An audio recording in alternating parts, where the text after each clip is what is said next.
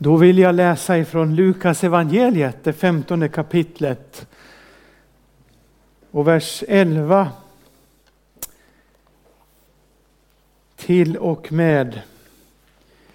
Jag tar vers, till och med vers 24 den här gången. Man kan läsa till och med vers 31 för sammanhangets skull, men jag kommer att sammanfatta det. Och det här blir tredje gången gilt som jag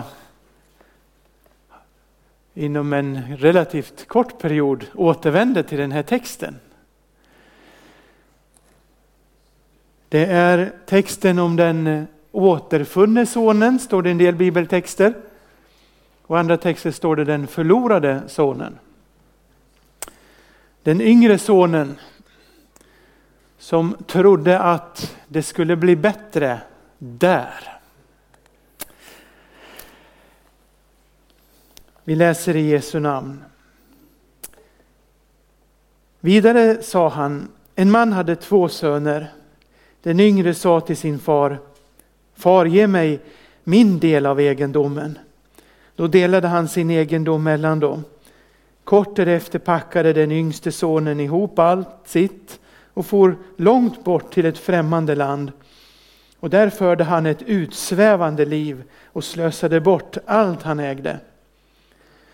Men när han hade gjort slut på allt kom en svår hungersnöd över, över det landet och han började lida nöd.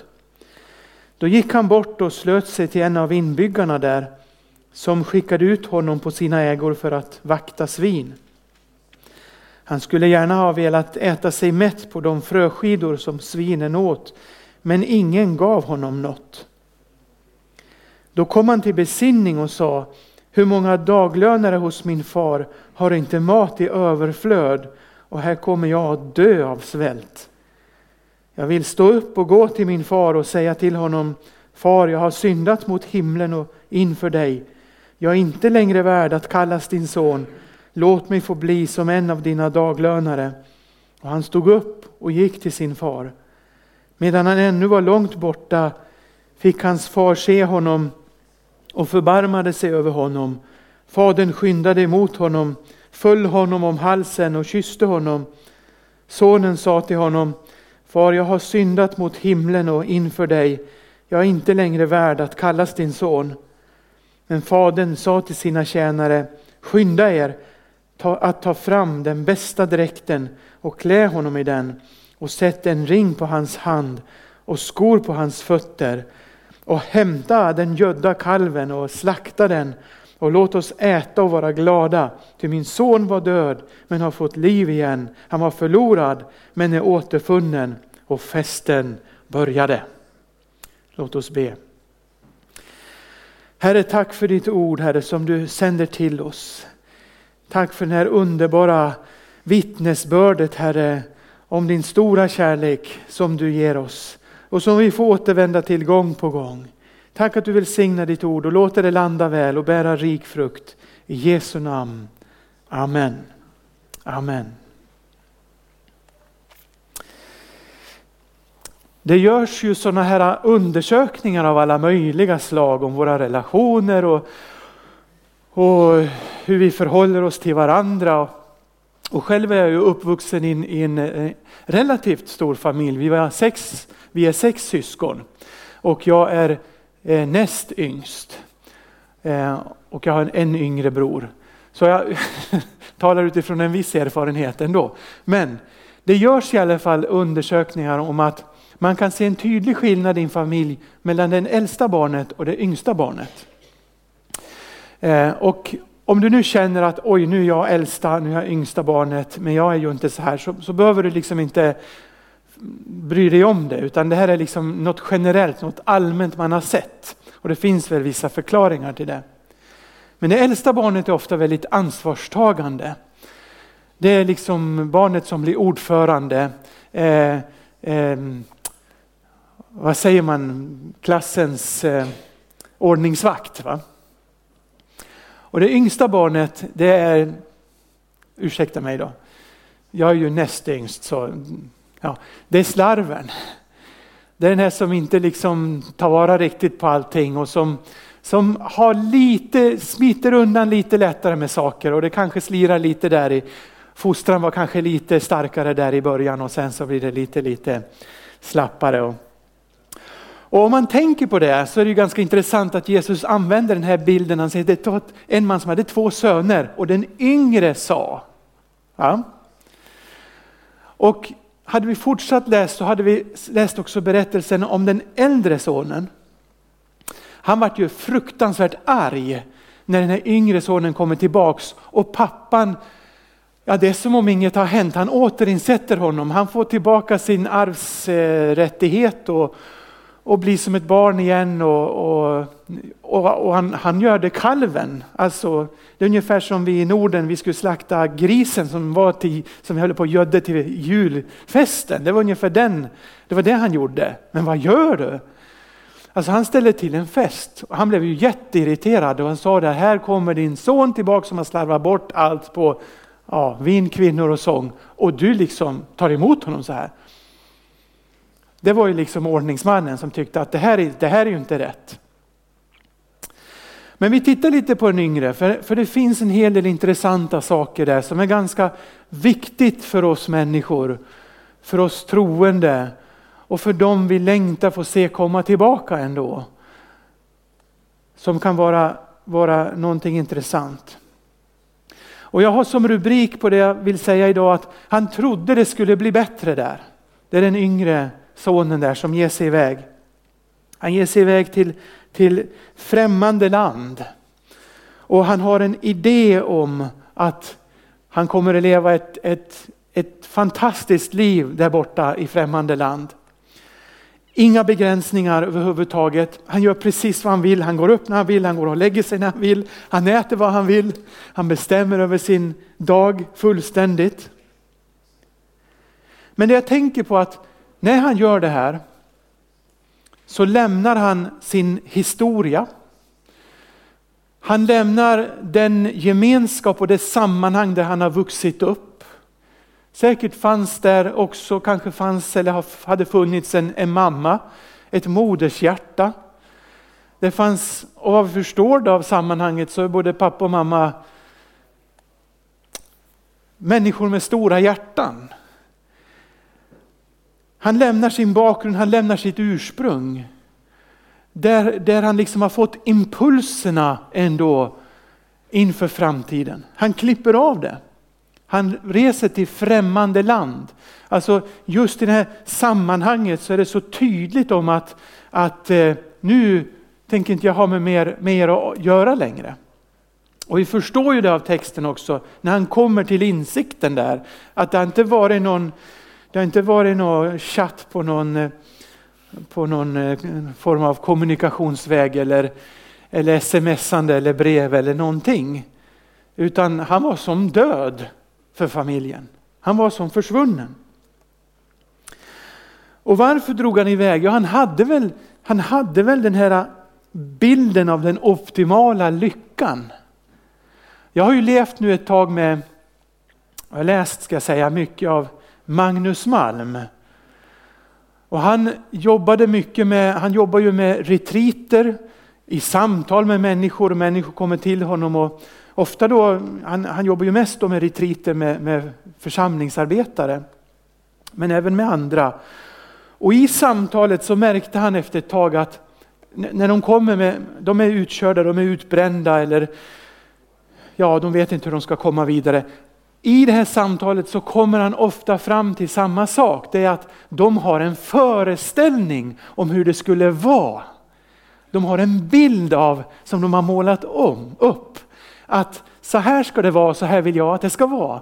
Och så kommer de där i flera hundra knyck och det är, det är inspiration och det är transpir, transpiration och jag vet inte allt. Och så kommer de mot väggen va? och de kraschar och hela deras värld splittrar. Och då får han från början jobba med, vad är bilden av Gud? Vad är bilden av ursprunget du kommer ifrån? Och vad är det för bild du ska ha framför dig? Och ofta ligger det då där en gudomlig bild som går att leva på, alltså någonting som är eftersträvansvärt. Vi kan väl säga så här att den yngre broderns inbildningsförmåga var mycket större än den äldre brodern. För han stannade kvar. Han var lite mer pragmatiskt lagd. Han såg saker och ting som de var. Han hade också en bild av framtiden men han tänkte att här gäller det ju att förvalta och göra det bra. Den yngre brodern han, han var dröm, drömmaren och tänkte på det som fanns bortom. men tänkte inte så mycket på hur ska det här fortsätta? Hur ska det finnas energi vidare och så vidare.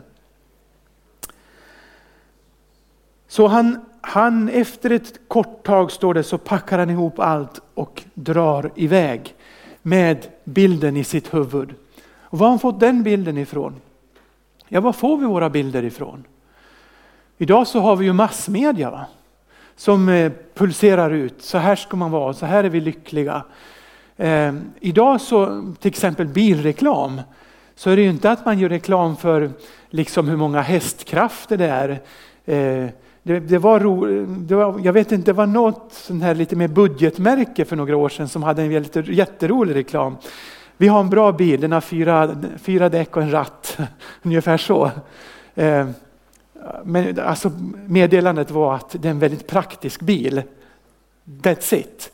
Men idag när du tittar på de här bilderna så lägger man in en, en vacker sentimental sång och, och det är en bil som svävar fram genom ett ohejdligt vackert landskap. Och det är en lycklig människa som stiger ut och möter en annan lycklig människa som sitter ner och grillar. Ja, nu kanske ni tänker på något speciellt bilmärke, men det behöver ni inte göra. Och vad de vill förmedla det är ju liksom en livsstil, va? en känsla, en bild. Ja, men den bilen måste jag ha för jag vill också ha den där lyckan. Men lyckan ligger inte där. Det gör ju inte det. Och vi blir ju så bittert besvikna när vi upptäcker det att oj nej, det var inte så. Så det är frågan, vad är det för bild och föreställning som du och jag investerar i i framtiden? Håller det? Det är en viktig fråga. Han får iväg den yngre sonen och ska vi vara ärliga utifrån hans perspektiv så gick det riktigt bra. Han fick ju precis som han ville. Han levde på, det var, det var fester och, och partyn och, och det var många klappar på axeln och säkert så sa man det, ja, du är en bra kompis, du gör härliga fester. Och man drog på bara full fart. Allt gick bra så länge resurserna räckte till. Det är ju så. Ekonomiskt, yes.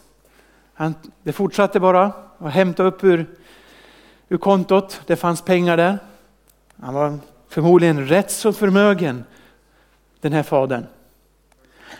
Så att eh, jajamän, det funkade. Det funkade resursmässigt, själsligt också. Det fanns människor runt omkring honom som bekräftade honom hela tiden. Som, som hängde hos honom.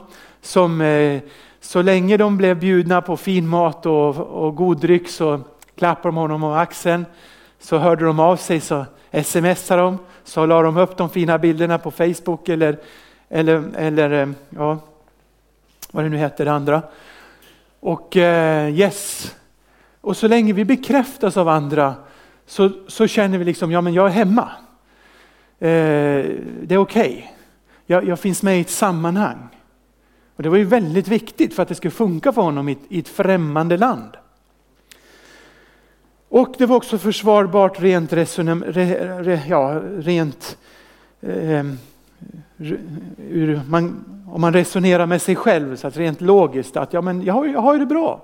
Jag har allt jag vill ha. Det funkar ju. Ah, jag bor bra. Jag har en fin bil. Jag har mycket vänner. Eh, no worries. Och så länge allt det där stämmer, va, då rullar det på. Men framgång är ju inte garanti för att någonting är rätt. Det är ju så. Att det går bra betyder inte att det är riktigt. Utan det håller inte i längden om det är fel. Det tycker man borde vara en självklarhet men det är inte alltid man fattar det. Utan man drar iväg och har sin föreställning, man drar på, ja men det går väl bra. och sen kommer väggen eller nu kom, då kommer liksom resurserna ta plötsligt slut. Vilket det gjorde, gjorde för honom här. Till slut så gick det inte för den här yngre killen. Och Det är intressant att det står här att då gick han bort och slöt sig till en av inbyggarna där som skickade ut honom till sina ägor att vakta svin. Han försökte hitta en lösning helt enkelt på att hur, hur ja, jag måste ju ha försörjning, jag måste ju fortsätta leva. Nu är det här en, nu är det här en liknelse som Jesus berättar. Och jag, jag, det finns två sätt att, att, se på liknelser. Antingen så var det någonting som många kände till att ja, men det, där, det där känner vi till. Det hände här i trakten. Att han refererar till någonting. Det kan ju också vara att det är någonting som fadern ger honom. Att det är någonting kanske ganska allmänmänskligt och som vi kan relatera till. Men låt oss säga att det fanns en berättelse kring det här, något som var känt. Skulle vi då inte kunna anta att den här, en av de här landets inbyggare som han söker upp kanske var en gammal bekant? Det är ju inte, det är inte alldeles otänkbart. För man söker ju först efter någon form av koppling, någon form av referens. Hörru, Jonte, kommer du ihåg vad härligt vi hade inne i stan? Du kom ju varje lördag, vi, vi festade loss. Jag skulle behöva ett jobb, har du något? Och nu är det inte så angeläget liksom med den här gemenskapen eller att han känner honom. Ja, det, du vet, det är dålig ekonomi och det är nedgång på alla håll och fronter. Ungefär som idag. Va? Det är lågkonjunktur som vi är håller på och kanar ner i. Så han skickar ut honom att vakta svin. Och vi förutsätter ju att bilden, att liknelsen av den här pojken, det handlar om ett judiskt sammanhang. Och för judar var ju, juda, var ju svingrisar, det var ju något orent. Som de inte skulle befatta sig med. Var det då medvetet av den här arbetsgivaren? Att riktigt förnedra honom? Och det står att han fick inte ens äta av de här fröskidorna som grisarna fick. Kan det bli tydligare? Han hade inte plats längre i det här främmande landet. Eller i det här sammanhanget han hade flytt till. Eller den här situationen han var. Han var inte välkommen. Han fick inte ens äta av grisarnas mat. Vi kanske inte fattar liksom hur otro, vilken tydlig signal det är. Stick härifrån. Men var ska jag ta vägen? Jag har ju förstört, jag har ju bränt broarna. Och det är det som är så fantastiskt med den här liknelsen. Det handlar ju om vår relation med Gud i grund och botten. Det är det det handlar om. Det handlar om, när Jesus säger det här så är det, det börjar egentligen i kapitel 15 med publikaner och syndare som höll sig nära Jesus. Fariseer och skriftlärde såg det och blev irriterade på Jesus och sa, du umgås med syndare. Det är därför han berättar berättelsen om det förlorade myntet och det förlorade fåret och så nu kommer han till sonen som har tappats bort. Det är en signal. Och då tycker jag det är så fantastiskt för det står där att han kommer till en insikt i svinstian av alla ställen. Tack gode Gud att när det är riktigt svårt och jobbigt motlut och allting är fel och man befinner sig på den plats där man inte ska befinna sig så kan man ändå komma till en insikt. Och har man då ett arv med sig så är det ju ännu bättre om någonting som talar om en kärleksfull Gud, en kärleksfull far. Han tog risken att återvända hem. Vad innebar det? Ja, det förstår vi ju på broderns reaktion. Jaha, det gick inte så bra som du trodde. Det stämde inte den där eh, bilden du hade av ditt liv. Jaha, det blev så fel och nu kommer du krypande här och nu tycker du att vi ska förbarma dig över dig. Nej, nu får du ta konsekvenserna av dina livsval. Nu får du ta konsekvenserna hur du tänkte och gjorde. Vad skulle folk säga? Jag tror att det var säkert den största barriären för att gå tillbaka. Vår prestige, vår egen stolthet, eller hur? Det är nog det mest svåraste. Vad ska folk säga? Jag har misslyckats rejält. Det enda drivkraften som fanns som drev honom tillbaka. Det är faderns kärlek. För han kom ihåg den. Det är det enda, det är det enda lilla han liksom Ta fasta på. Där han hänger där på, i stupet, liksom, i bergsväggen. Det är faderns kärlek. Han har ju ett härligt resonemang. Där hemma hos min far finns det daglönare som går.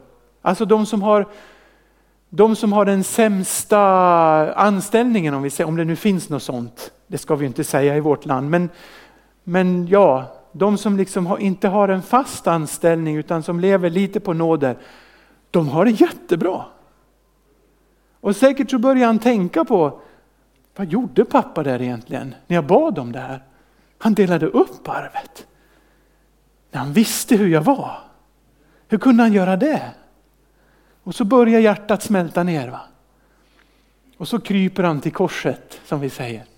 Han börjar gå tillbaka. Och någonstans där så finns det också ett klappande fadershjärta som säger där, som vi förstår där, medan han ännu var långt borta fick hans far se honom och förbarma sig.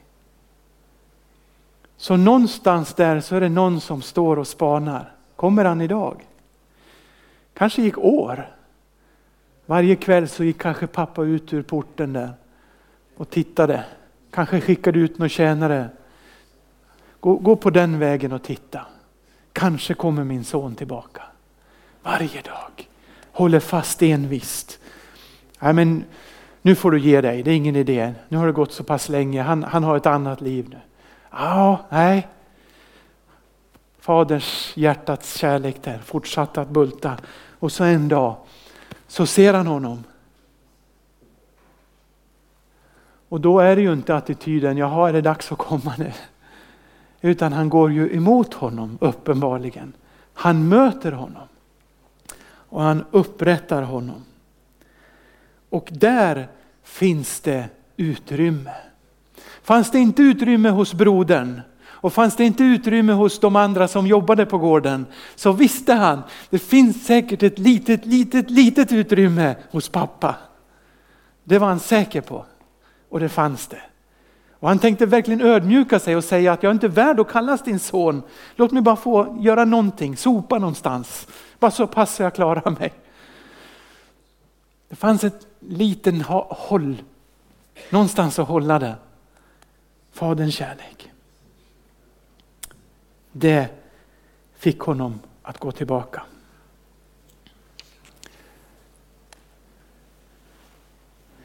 Det som, det som verkade begränsande det var i själva verket frihet. För någonstans måste den här yngre sonen ha känt där han gick hemma på gården att nej det här är för lite för mig. Jag kan inte gå här varje dag, jag kan inte hålla på med de här sysslorna. De här enahanda sysslorna, ut, ja, hålla på med det ena med det andra och de här sysslorna, jag, jag kan inte. Jag, det, här, det här samhället, det räcker inte för mig. Men det var faktiskt där hans framtid låg, det var där, hans, det var där som det fanns utrymme för honom. Det var där friheten fanns. Borta där i främmande land när resurserna tog slut, då fanns det ingen frihet. fanns inget utrymme. fanns ingen framtid. Det som verkade så spännande, det var en illusion. Det var, det, det var en bild som, som föreställde någonting men det var ingen verklighet. Vi, vi har ju någonting hemma som kallas för skärmar på, till datorn och tv-apparater. Och, och, vi sitter och ser kanske på, en, på ett drama eller vi sitter och ser på en dokumentär och allting är så liksom, man rycks med och allting är så verkligt. Men du behöver bara dra ur kontakten så puff så är det borta. Det är en illusion. En illusion av något som vi lever med. Och det är jätteviktigt då att veta vad som är verklighet och vad som är illusion. Vad vi liksom målar upp för oss och vad som är Guds, det Gud, det Gud vill måla upp i våra hjärtan. Eller som eh, Malm brukar säga, vad är det du verkligen vill? Det är en ganska intressant tanke. Och det enda vettiga att göra i den här situationen det var omvändelse. Att vända tillbaka till Fadern. Det var det enda vettiga att göra. Det fanns ju ingen annan framtid för den här grabben. Han hade kunnat sträva på men förmodligen hade han dukat under. Han hade kunnat kämpa på i stolthet men han hade ju inte klarat sig. Det var att vända tillbaka till Faderns kärlek. Till den gemenskap och den omsorg som fanns. Och kanske är det också en bön där jag ber för många att den gemenskap man kanske växte upp i, som kanske har sina begränsningar, som kanske inte är världens bästa och där man kanske har en del kritik, familjen eller församlingen som man kanske flyr ifrån. Men det finns någonting där ändå som talar om Faderns kärlek, om Guds kärlek. Om det sammanhang som han en gång tillhörde. Och det är det som är budskapet. Han trodde det skulle bli bättre där, men det var bättre här. Amen. Det var så det var. Absolut, där blir det bättre, men det var bättre här. Andrew Crouch han sjunger en fantastisk gospelsång. Take me back, dear Lord, to the place where I first received you. Att komma tillbaks och komma ihåg vad var det som hände? Vad var det som gjorde, vad var det, vad var det för sammanhang där jag tog emot Herren i mitt hjärta? Att komma tillbaks dit, att göra en, en rekapitulation av den händelsen. Att gå tillbaks och börja om, att starta om igen.